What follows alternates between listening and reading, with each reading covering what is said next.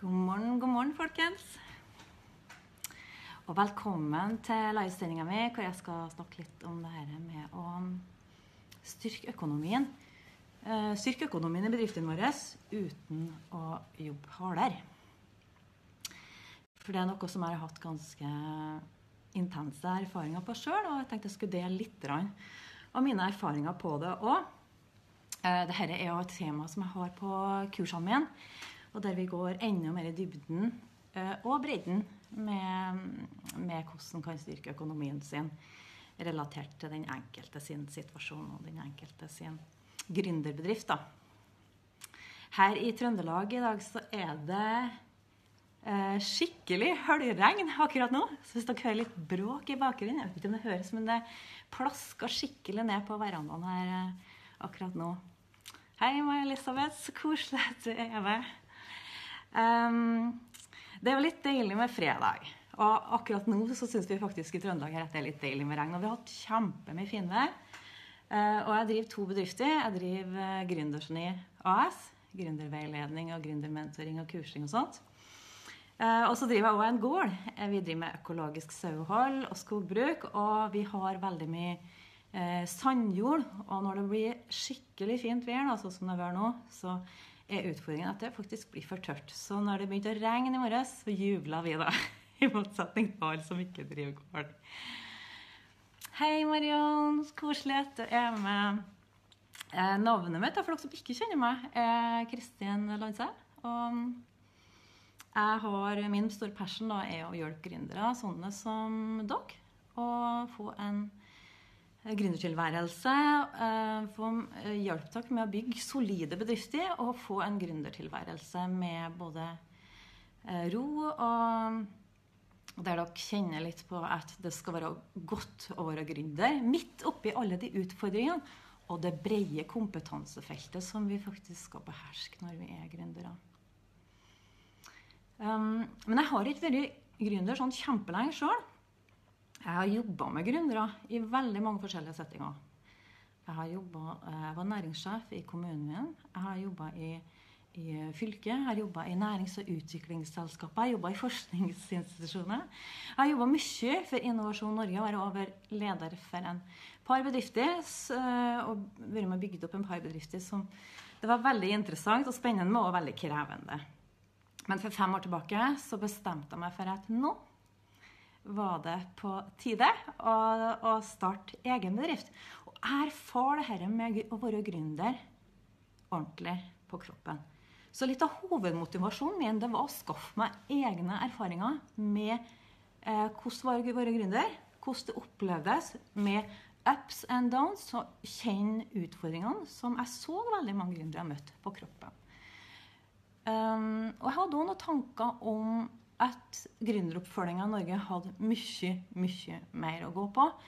Um, og det kommer jeg sikkert til å komme litt tilbake til i løsninger. Men i dag så var temaet det her med økonomi. Jeg er utdanna økonom. Eh, jeg har tatt mange års utdanning med det. Jeg jobba mye med det.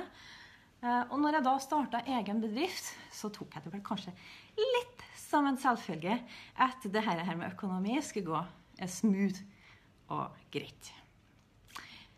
Ehm, men eh, etter å ha jobba noen år da, med å utvikle produktene Vi laga kursprodukter, eh, vi laga veiledningsprogrammer og sånne ting som skulle støtte sånne som dere i å få en bedre gründertilværelse.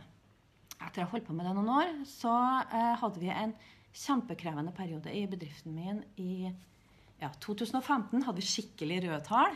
Um, jeg vil ikke si at vi hadde sovet i timen, men kanskje hadde fokuset vårt vært på andre ting enn det her med økonomi. Og det høres jo kanskje litt rart ut, eh, men kanskje kjenner noen av dere igjen. Vi hadde veldig fokus på å utvikle produktene. Vi hadde veldig fokus på å komme bedre inngrep i markedet.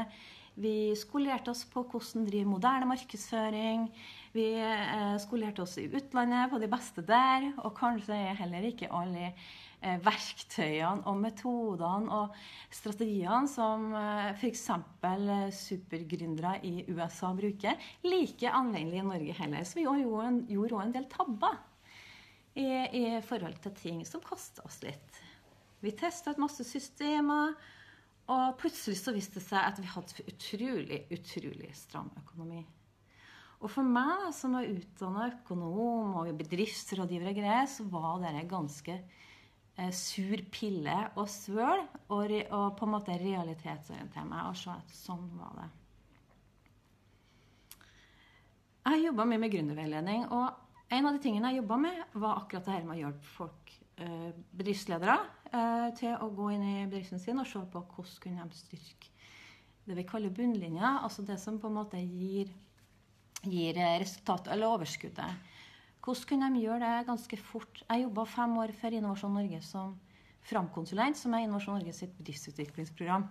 Og da ble vi drilla på akkurat det her. Å gå inn i bedriften, fort få en oversikt over kostnadene, og se på en eller annen ting her som opplagt kan eh, forbedre økonomien med en gang. Så i 2015, da når de her røde tallene i min egen bedrift kom, så gjorde jeg det samme. da var det litt sånn koselig for min egen drift. Og det er det her jeg kaller cut og crap. Og hva mener jeg med det? Cut og crap, det betyr å se få oversikt over kostnadene dine, få oversikt over økonomien din. Hvis du ikke har det, Um, og I en startfase så sitter du kanskje med et budsjett eller noen antagelser om hva det her kommer til å koste, hvilke kostnader du kommer til å ha. Men har du drevet en liten stund, så har du et regnskap, og da eh, er det litt godt å ha faktisk litt oversikt. Hva er det det her tallene i det her regnskapet? Hva betyr det egentlig? Og hvorfor er det beløpet på akkurat den posten så stor? Noen må snakke litt med regnskapsføreren sin hvis han har det, i forhold til det her, og noen kanskje trenger litt hjelp av noen som eh, som kan enda mer økonomi, til å gjøre det. Men det å få da, litt oversikt over kostnadene sine, det skaper òg en mulighet for gode beslutninger. Og med cut the crap, da, hva er det vi skal se etter? Det er jo enkelte kostnader som kanskje kan være helt unødvendige å ha. Eh, men det trenger vi ikke å være klar over. Vi trenger ikke å være klar over at det koster så så mye. Det kan være ting vi kan eh, skaffe oss nye leverandører på. Det kan være kanskje er det en annen regnskapsfører som er det ideelle for oss. Kanskje er det et annet forsikringsselskap eller en annen bankforbindelse som kan hjelpe oss. Eh, i forhold til det. Og hvordan er det vi egentlig markedsfører oss? Hvilke kostnader er det vi pådrar bedriften vår i forhold til akkurat sånne ting? Eh, og markedsføringsfeltet Jeg skal snakke litt mer om noen andre livesendinger. Men markedsføringsfeltet har forandra seg radikalt på få år. Så de tingene vi har brukt penger på før i forhold til annonsering i kanskje en del aviser og magasin, det skal være veldig relevant. Eh, det skal være veldig relevant for at det skal eh, koste av seg. Og det som er i dag, det er at nå bruker vi heller kost, eh, markedsføringspengene våre på ting som vi vet virker.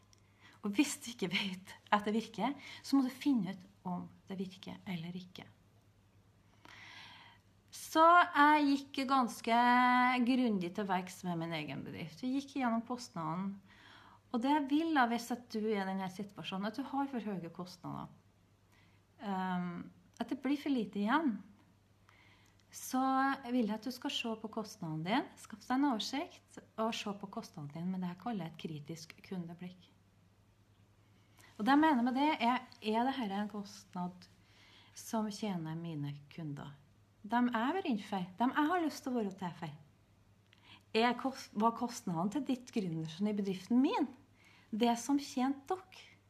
Var det de, de, riktige tingene jeg holdt på med? De riktige tingene jeg kosta på bedriften min i forhold til det som tjener dere?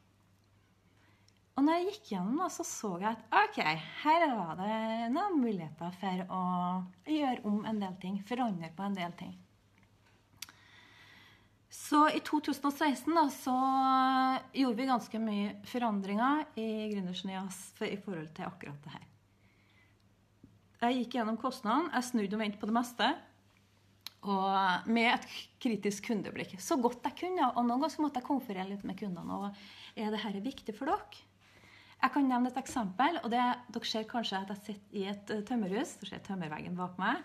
Det skjer godt, så ser dere et stabbe litt bak her. Så jeg flytta da fra et uh, litt større kontor i sentrum og hjem på gården der vi har ganske god plass, og laga meg et hjemmekontor som reduserte kostnadene mine. For jeg tenkte at ok, om jeg sitter her eller der, Det er kanskje det aller viktigste for mine kunder. For dere, tenkte jeg. Eh, så Derfor så gjorde jeg det grepet, og jeg gjorde en del andre grep. Så det som skjedde da, det var at i 2016 så gikk vi fra skikkelig røde tall i 2015 til et pent overskudd i 2016. Um, og det kom godt med da, i forhold til det vi ønsker å jobbe med og satse på framover. Så sett deg litt, trekk deg litt tilbake nå og tenk på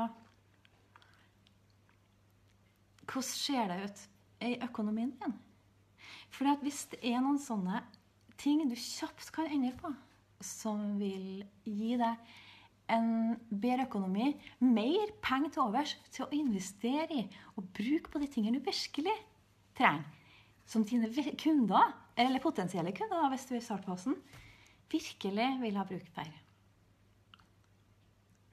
Så cut the crap.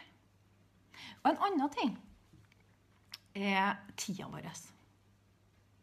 Hva bruker vi tida vår på? Det er jo kanskje den største eh, Den viktigste ressursen. Hva du som gründer bruker tida, tida di på. Og alle har vi noen tidstyver. Det jeg mener med det, er eh, ting vi gjør, eh, personer som vi bruker tida på, vår på, og som egentlig ikke gir kundene våre, da, eller de kommende kundene våre, da, noe særlig verdi. Så se opp på tida di med et kritisk kundeblikk. Og hvis du gjør denne lille øvelsen, bare at du blir mer bevisst det, vil hjelpe deg. Så er premien, gulroten, da, at du vil få mer igjen. At de tingene som du virkelig har lyst til, og de tingene som vil gi kundene dine ekstra. Det lille ekstra. Um, og så er det to ting til, da, i hvert fall to ting til, da, som gjør at vi lettere kan, en, eh, vi lettere kan få en god økonomi uten å jobbe hardere. Men jeg tenkte at det var denne tingen jeg skulle starte med. Det kan gi deg en liten flying start. En ny flying start hvis du er godt i gang. Og dette gjelder alle bedrifter. Det gjelder deg som tenker på å starte i gang. Det å være litt bevisst på det her. Det gjelder deg som er i startfasen, og kanskje er det vi kaller blodbadet. Det vil si at uh, kostnadene dine er litt høyere enn inntektene dine. For det tar litt tid å komme i inngrep med markedet. Det kan litt tid å få liksom, at kundene dine skal bli ordentlig kjent med deg. For det må de bli. De blir ordentlig kjent med deg, få ordentlig tillit til deg. Og skjønne at det er du som er den rette for dem, før de kjøper hos deg. Og når du er i den fasen da, der kostnadene er litt høyere enn inntektene, så er det fort gjort å miste litt motet og ja, syns at det går litt tungt.